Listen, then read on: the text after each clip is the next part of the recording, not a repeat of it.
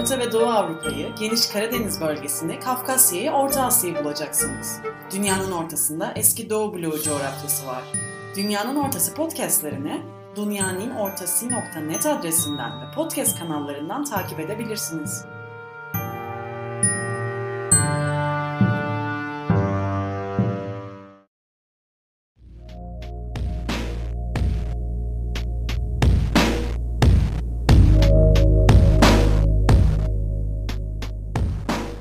Romanya'da Aralık 2020 parlamento seçimleri ve yeni yılda yeni hükümet.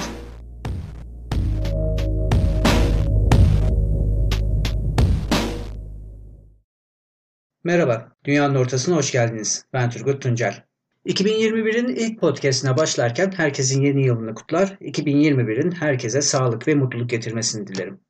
Aslında 2021'e hızlı başladık. ABD'de Trump taraftarlarının Beyaz Saray baskınından bahsediyorum. Bu olay eski Doğu bloğu coğrafyasında da diğer yerlerde olduğu gibi büyük bir yankı buldu. Bu konuyu takip edeceğiz. Şimdilik 2021'in 2020'yi aratmaması dileğimizi ifade etmekle yetinelim. Bugün Romanya'da Aralık ayında gerçekleştirilen parlamento seçimleri ve bu ay sonunda yani 2021'e girmeden birkaç gün önce kurulan hükümet dolayımıyla Romanya siyasetine bir göz atalım isterseniz. Romanya'da parlamento seçimleri 6 Aralık 2020'de gerçekleştirildi. Yaklaşık 3 hafta sonra 28 Aralık'ta 3 parti ve ittifaktan oluşan bir hükümet kuruldu. Romanya 2021'e bu yeni koalisyon hükümetiyle girdi. Covid-19 salgını, var olan hükümetin salgınla mücadeledeki performansı hakkındaki tartışma ve şikayetler, sağlık sisteminin durumu ve salgın nedeniyle daha da artan ekonomik sorunlar seçim sürecine girildiğinde Romanya'nın gündeminde öne çıkan başlıklar oldu. Dolayısıyla seçime katılan parti ve adaylar seçim propagandalarında bu konular üzerinde durdular. Bunun yanında ülkedeki yolsuzlukla mücadele konusu da bir başka önemli konuydu. Seçimlere toplamda 23 parti ve ittifak katıldı. Bunun yanında bağımsız adaylar da seçimlerde yarıştı. Ancak seçimlerde iktidarı oynayan parti sayısı bunun oldukça altındaydı. Nitekim yalnızca 5 parti parlamentoda temsil edilmek için gerekli olan %5 ve üstü oy oranına ulaştı. Diğer partiler ikisi hariç ya %1'in biraz üstünde oy aldılar ya da %1 seviyesinin altında kaldılar. Aslında Romanya'daki seçimlerin iki ana aktörünün Sosyal Demokrat Parti ve bunun karşısındaki Merkez Sağ Ulusal Liberal Parti ve Merkez USR Plus olduğu söylenebilir. Romanya'daki Sosyal Demokrat Parti söyleminde sol tınılar olan Çavuşescu sonrası Romanya'da en kurumsallaşmış, siyasi alanda en etkili ve önemli partilerden biri. Öte yandan bu parti Romanya'da kronik hale gelmiş yolsuzluk düzeniyle yozlaşmış siyaset ve siyasetçi sınıfının muhibi olarak görülmekte.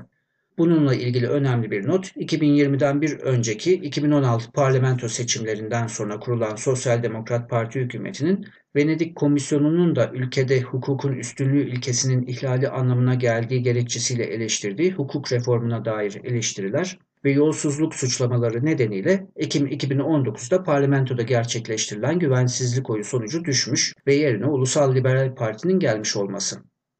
Seçimlerde Sosyal Demokrat Parti'nin en önemli rakibi Ekim 2019'daki oylama sonucu hükümet olan Romanya'nın en eski ve köklü bir diğer partisi olan muhafazakar merkez sağ eğilimli Ulusal Liberal Parti oldu. Bunun dışında seçimlerde %5 barajını geçen diğer parti ve ittifaklar merkez eğilimli, yolsuzlukla mücadele ve reform yanlısı USR Plus, aşırı sağ Romanya'nın birliği için ittifak ve Romanya'daki etnik Macarların partisi olan Romanya Macarları Demokratik İttifakı oldu. Bunlardan Ulusal Liberal Parti ve USR Plus'ın Sosyal Demokrat Parti karşıtı radikal bir tutum geliştiren partiler olduklarının da hatırlatılmasında fayda olacak. Romanya'da sandıklar açıldığında Sosyal Demokrat Parti'nin %28.9, Ekim 2019'da bu partinin yerine hükümete gelen Ulusal Liberal Parti'nin %25.2, USR Plus'ın %15.4, Romanya'nın Birliği için ittifakın %9.1 ve Romanya Macarları Demokratik İttifakı'nın %5.7 oranında oy aldığı görüldü. Böylece Sosyal Demokrat Parti seçimlerden ilk parti olarak çıktı. Bunun ardından Ulusal Liberal Partili Başbakan Ludovic Orban görevinden istifa etti. Ancak Sosyal Demokrat Parti'nin aldığı oy ne tek başına hükümeti kurmasına ne de başbakan atamasına yeterli olmadı. Ulusal Liberal Parti ve USR Plus'ın Sosyal Demokrat Parti ile koalisyon yapmayı reddetmesi ve Ulusal Liberal Partili Cumhurbaşkanı Klaus Ohannis'in hükümet kurmak üzere Sosyal Demokrat Parti bir başbakan atamayı reddetmesi ve hali hazırdaki Finans Bakanı Florin Çitu'yu hükümeti kurması için geçici olarak başbakan olarak ilan etmesiyle sosyal demokratları dışlayan bir koalisyon arayışı başladı. Nihayetinde yaklaşık 3 hafta süren görüşme ve pazarlıklardan sonra 28 Aralık'ta Ulusal Liberal Parti, USR Plus ve Romanya Macarları Demokratik İttifakı arasında bir koalisyon hükümeti kuruldu. Romanya'da kurulan üçlü koalisyon parlamentodaki koltukların %55'ine sahip. Dolayısıyla koalisyon hükümeti milletvekilleri partilerinden ayrılmadığı sürece yasama konusunda parlamentoda sorunla karşılaşmayacak. Bunun yanında Cumhurbaşkanının Ulusal Liberal Partili olması nedeniyle hükümet ve başbakan ile Cumhurbaşkanı arasında ideolojik siyasi sürtüşmelerin yaşanması ve Cumhurbaşkanının yürütmeye zorluk çıkarma ihtimali söz konusu değil. Bu durum yeni hükümet için kuşkusuz önemli bir avantaj. Bu durumda koalisyon hükümeti için koalisyon ortakları arasındaki uyumun sağlanması ve devam ettirilmesinin önem kazanacağı söylenebilir. Romanya'daki koalisyonların genelde uyumlu çalışmayı pek de başaramadıkları göz önünde bulundurulduğunda bunun önümüzdeki günlerdeki en önemli mesele olacağı düşünülebilir. 2021'in ilk günlerinde Romanya'daki siyasal durum genel hatlarıyla böyle. Bunu tespit ettikten sonra seçimler ve sonrasında yaşanan bazı süreçler çerçevesinde Romanya'daki siyasal ve toplumsal alana dair bazı tespitler yapmak yerinde olabilecek. İlk olarak 6 Aralık seçimlerinde Romanyalı seçmenin farklı kaynaklara göre yalnızca %31.8 ile %33.3'lük bir kesiminin oy kullandığının altının çizilmesi gerekiyor. Bu endişe yaratacak düzeyde düşük bir oran. Romanya'da komünizm sonrası dönemde gerçekleştirilen seçimlerde oy kullanma oranının ortalaması %51. 2016 parlamento seçimlerinde bu oran %39 olarak kaydedilmiş. Kuşkusuz %39 da oldukça düşük bir oran ancak 2020'de bu oran %6.1 ile %7.6 seviyesinde düşmüş. Kısacası Romanya'da 2020 seçimlerindeki oy kullanma oranı rekor seviyedeki düşük bir oran. Çeşitli yorumcular Rumenlerin sandıklara gitmemesinin bir nedeni olarak Covid-19 salgınını gösteriyor. Elbette bu bir neden olabilir. Ancak pandemi sırasında bazı Balkan ve Doğu Avrupa ülkelerinde de seçimler gerçekleştirildi ve bu ülkelerde seçimlere katılım Romanya'dakinden gözle görülür düzeyde yüksek gerçekleşti. Dolayısıyla pandemi ancak kısmi bir açıklama olabilir. Bu nedenle seçimlere katılımdaki düşüklüğün Romanya'daki toplumsal ve siyasal alanın nitelikleriyle bağlantılı sebeplerinin irdelenmesi gerekiyor. Romanya'daki toplumsal ve siyasal alanın nitelikleriyle ilgili iki olasılık söz konusu olabilir. Bunlardan ilki refah düzeyi yüksek ülkelerdekine benzer şekilde Romanya halkının ülkedeki koşullardan hayli memnun olduğu ve genel olarak siyasal aktörlere güven duydukları, bu nedenle siyasal süreçlerle pek de fazla ilgilenmedikleri, o ya da bu partinin iktidara gelmesinin hayatlarında önemli bir değişiklik yaratmayacağına inandıkları için sandığa gitmek konusunda bir zorunluluk hissetmedikleri olabilir.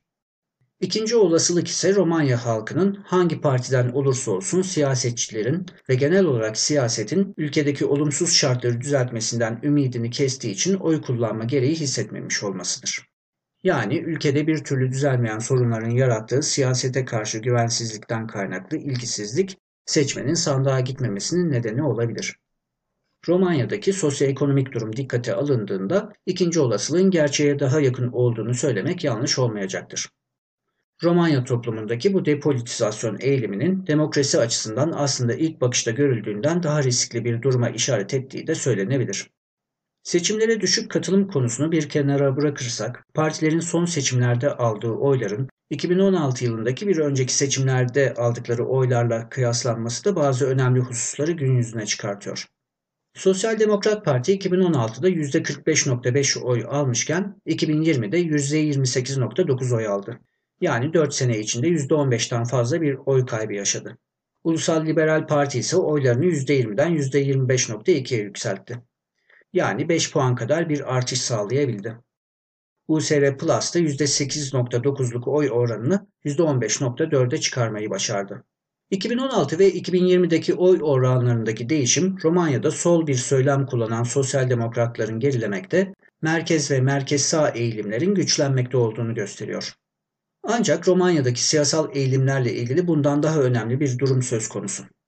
Bu ülkede radikal sağın yükselişi.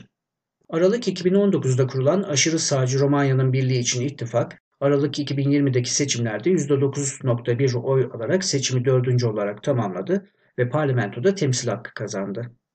Sonuçta bir yandan merkez ve merkez sağ, öte yandan aşırı sağ Romanya'da yükselişte.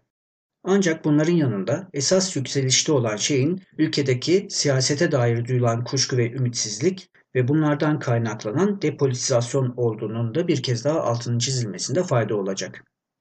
Aslında aşırı sağın yükselişiyle toplumdaki depolitizasyonun birbirini besleyen süreçler olduğunu siyaset bilimi literatüründen de biliyoruz.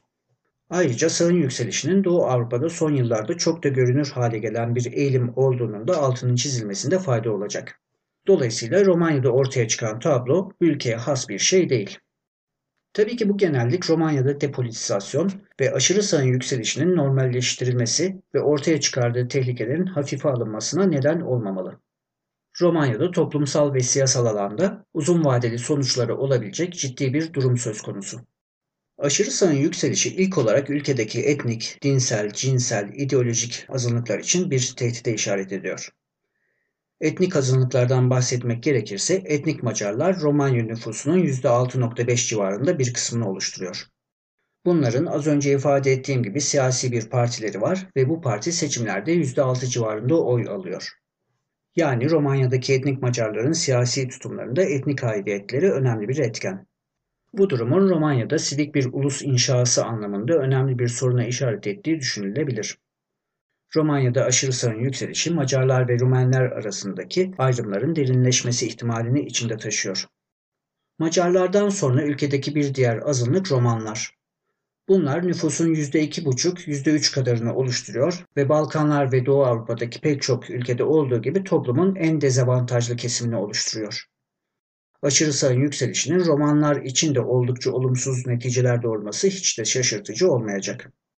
Romanya'daki diğer etnik azınlıklar sayı ve oran olarak oldukça küçük. Ukraynalılar, Türkler, Tatarlar gibi pek çok etnik azınlık var. Aşırı sağın yükselişi tüm bu grupları ve Romanya'daki sivik ulus inşasını olumsuz şekilde etkileyebilecek önemli bir gelişme.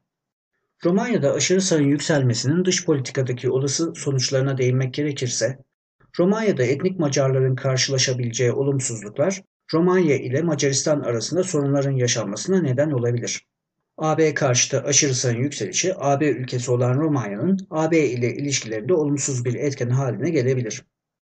Bunların yanında Romanya ve Ukrayna arasında hem bazı tarihsel ayrılık noktaları hem de her iki ülkedeki Ukraynalı ve Rumen azınlıklar nedeniyle gerginliklerin ortaya çıkması ihtimali de söz konusu. Bu arada Romanya sağının radikal kesimlerinin Moldova'nın Romanya ile birleşmesini savunduğunu da hatırlamak gerekiyor. Bu yaklaşımın Romanya'da taraftar kazanması ve daha yüksek sesle dile getirilmesi Moldova'daki etnik Moldovalı Rumen olmayan kesimlerin tepkisini çekebilir ve Moldova'da var olan gerilimlerin artmasına neden olabilir. Bu durum Moldova ve Romanya ilişkileri için önemli olabilir.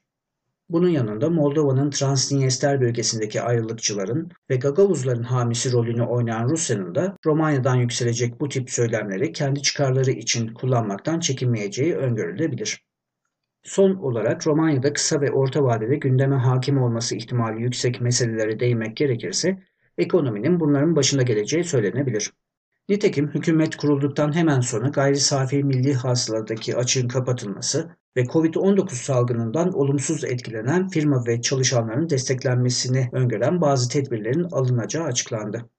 Sosyal Demokrat Parti ise açıklanan tedbirleri kemer sıkma politikası olarak niteleyerek muhalefetteki ilk adımını attı. Anlaşılan muhalefet hükümetin ekonomi alanındaki politikalarına destek vermekten imtina edecek ve Romanya'daki siyasal tartışmalarda ekonomi ile ilgili konular ön planda kalacak. Son olarak Romanya'nın 2021 yılı bütçesinin Şubat ayı başında açıklanacağını da belirtelim.